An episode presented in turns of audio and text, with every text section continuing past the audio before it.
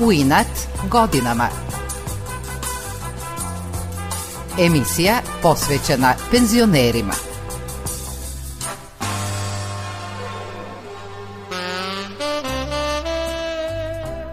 Dobro jutro. Današnji gost emisije u inad godinama je novosadski slikar Đorđe Bujnović.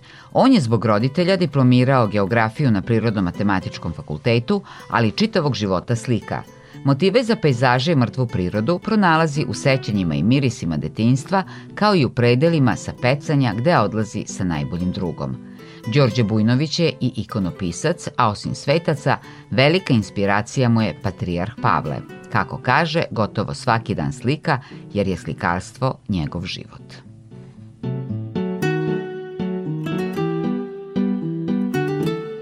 Novosadski slikar Radule Bošković za svog kolegu i prijatelja Đorđa Bujnovića kaže da je fasciniran njegovim ikonama na drvetu i da razume njegovu zainteresovanost za vizantijsku umetnost.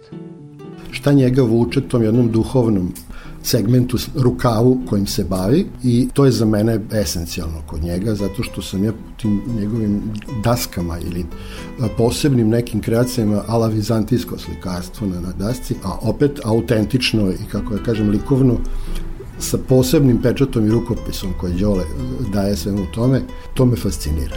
On je vrstan slikar da uradi mrtvu prirodu, da uradi pejsaž, da uradi i, i ono što kažu nešto što zahteve i crteži i poznavanje tehnologije, ali ovaj segment je mene fascinirao. Đorđe Bujnović je veliki deo detinstva proveo kod svojih baka u Sremu. Prvi deo detinstva pola-pola kod bake jedne i bake druge u Karlovcima i u Rumi. A inače rođen sam 57. a do 65. godine smo živeli u Mitrovici Sremskoj i to je jedan, da tako kažem, najlepši deo detinstva i onda smo došli u Novi Sad, pošto je otac promenio posao, dobio je posao u Novom Sadu i onda smo se preselili i od 65. na ovamo sam u Novom Sadu. Đorđe je, kada je završio osnovnu školu, rekao ocu da želi da bude slikar i pohađa umetničku školu – Međutim, nije naišao na njegovo razumevanje. Moja životna želja je bila da budem slikar. Trebalo je da idem u umetničku školu, pa je moj otac malo spojio ovo obrve. Rekao je ima ih jako puno koji su završili, pa mogu da se slikaju. Tako da me ta njegova misa odvukla na geografiju, međutim posle se nekako vratilo to. Radio sam jedno vreme u Dunav, ti si Dunav, neki 5-6 godina i Profesionalno sam počeo da se bavim slikarstvom jako davno. Ovo je vrlo brzo sam uzeo status slobodnog umetnika i evo do dana današnjeg moji deset prstiju, ovo malo mozga i očiju me služi. Đorđe je poslušao oca, završio geografiju na Prirodno-matematičkom fakultetu i kao profesor radio u nekoliko škola na zameni. Podršku da počne da se bavi slikarstvom dobio je od kolege Saše Dobrića, a prve kritike od najboljih. Prve kritike sam dobio od Bate Vrsajkova, koji se poznavao sa mojom majkom. I onda sam se bio malo uplašio, jer mi je, on jedno dva sata mi je pričao šta ne valja. Ništa mi nije rekao da valja, nego mi je pričao šta ne valja. Evo sam se ja trudio da to što ne valja popravim da bi jednostavno došao do ovoga danas. Iako se njemu nije sviđao taj realizam što ja radim, jer ja volim da slikam ono što vidim. Ja volim da slikam ono što osjećam. Tada počinje njegova slikarska karijera koja traje do danas. Boje i mirise iz detinstva Đorđe vidi i osjeća i danas, pa su oni i na njegovim slikama. Tako da gotovo nijedna mrtva priroda na njegovim platnima nije bez dunje, a na pejzažima bez reke. Taj miris dunje iz Karlovaca kod majkice u spavaćoj sobi pamtim još dan danas. I kao da je negde oko mene i dunja mi je light motiv, da tako kažem, na većini mrtvih priroda. A što se tiče pejzaža, ja sam opčinjen vodom, volim i da pecam, volim da budem pored vode. Dosta vremena provodim na vodi. Imam jednog prijatelja Vesu s kojim često idem na pecanje i mi se siti načutimo na pecanje. U stanju smo po sat, dva da ne progovorimo ni reč, nego jednostavno uživamo i u pecanju i u onim labudovima, u patkama koje ti jedu iz ruke i tako.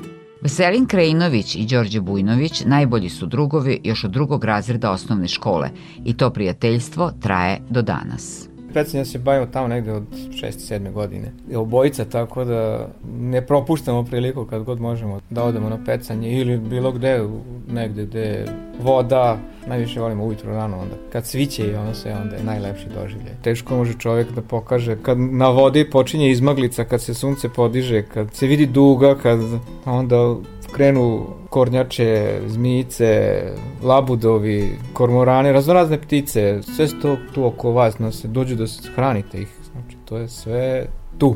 I to je u stvari nešto prelepo. Pecajući su proputovali Srbiju, a lepotu predela Đorđe prenosi na svoja platna, ističe Veselin. Najčešće smo Dunav, kanal, DTD, onda odemo do Obecke bare, do Arkanja, do Sremskih Karlovaca, a onda smo bili na Drini, na Moravi, idemo na ova jezera, slobodna da tako kažem, gde se može pecati. Prepoznao sam vrlo često motive tamo gde smo bili na Đokinim slikama, pošto to naravno ostane i urezano u njegovom sećanju, a bude i sad kako su ovi mobilni telefoni, sad je vrlo lako i odslikati nešto. Naravno, tu se malo doda, oduzme, ulepša, pokvari, kako kad, ali to je to. 90. je Đorđe Bujnović u manastiru Tronoša imao priliku da upozna patrijarha Pavla.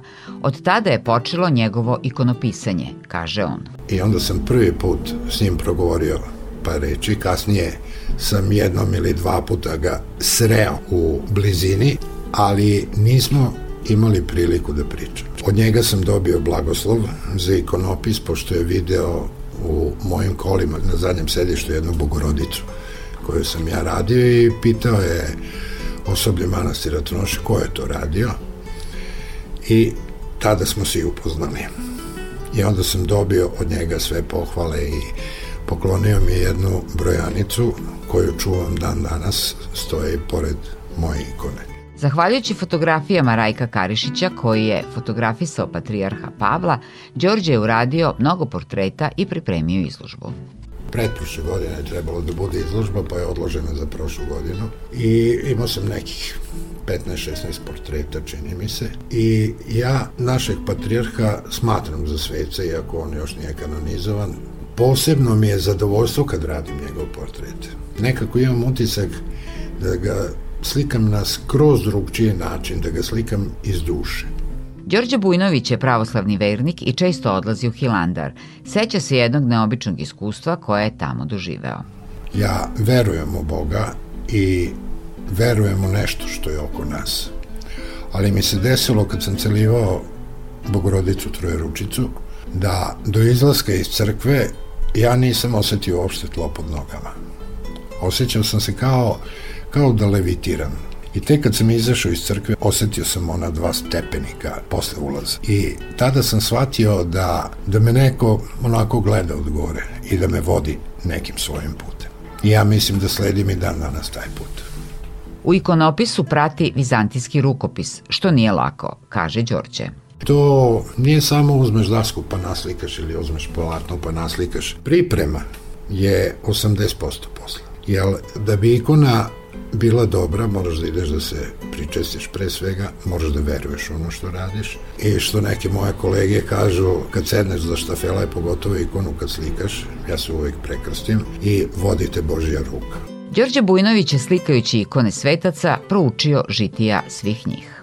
Normalno, žitija svetog Nikole, svetog Đorđe Jovana, Luke, to malte ne da znam na pamet. Ali kad se pojavi neko, na primjer, da naruči svetog ratnika Kalistrata, hm, kako je izgledao, ne, pa nema njegove fotografije, onda jednostavno kao ikonopisac ja moram da pročitam žitije da bi ga doživeo. I imam pravo da ga naslikam po svojoj volji.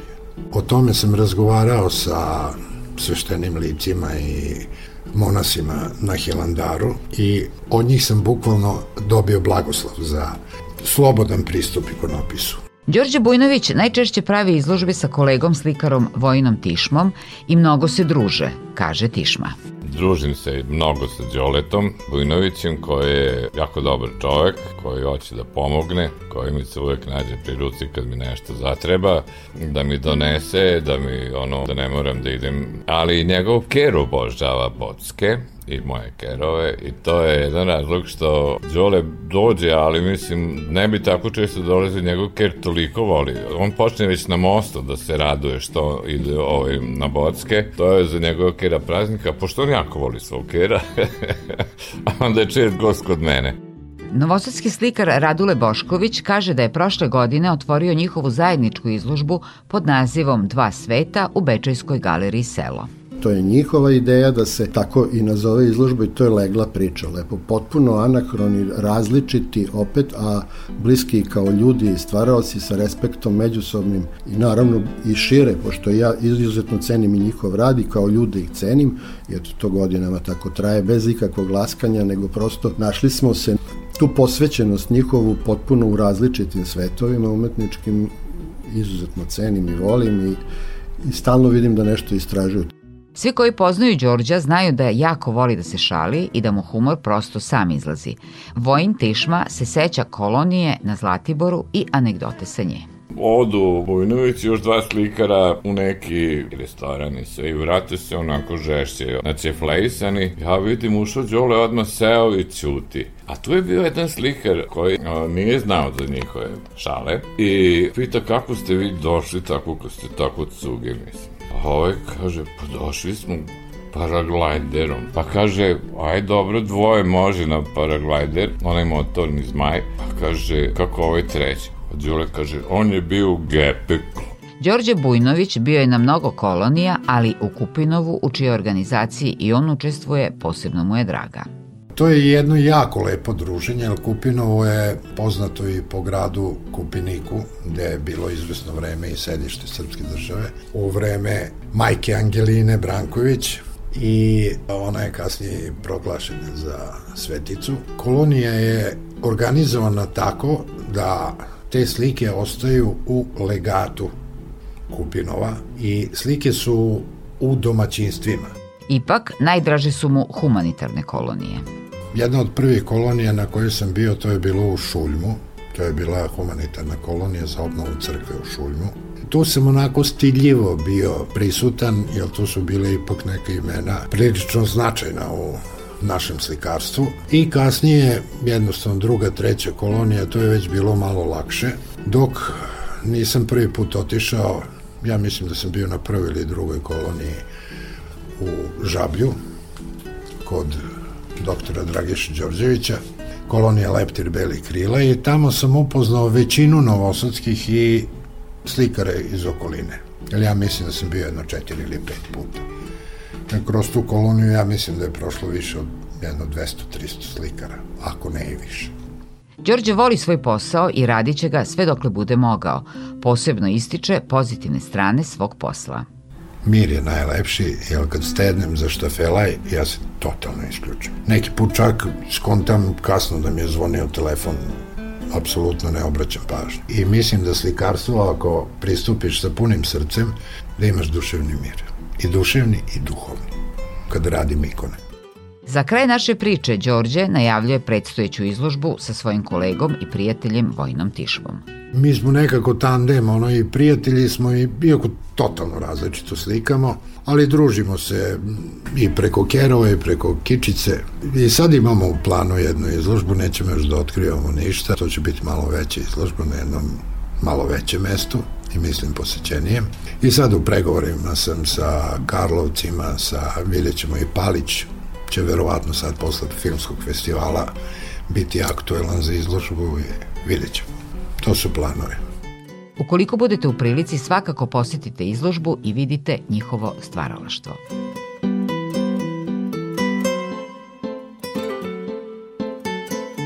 Bilo je to sve za danas. Do sledeće subote u 8.10 pozdravljaju vas Nevena Vrtulek i Maca Jung.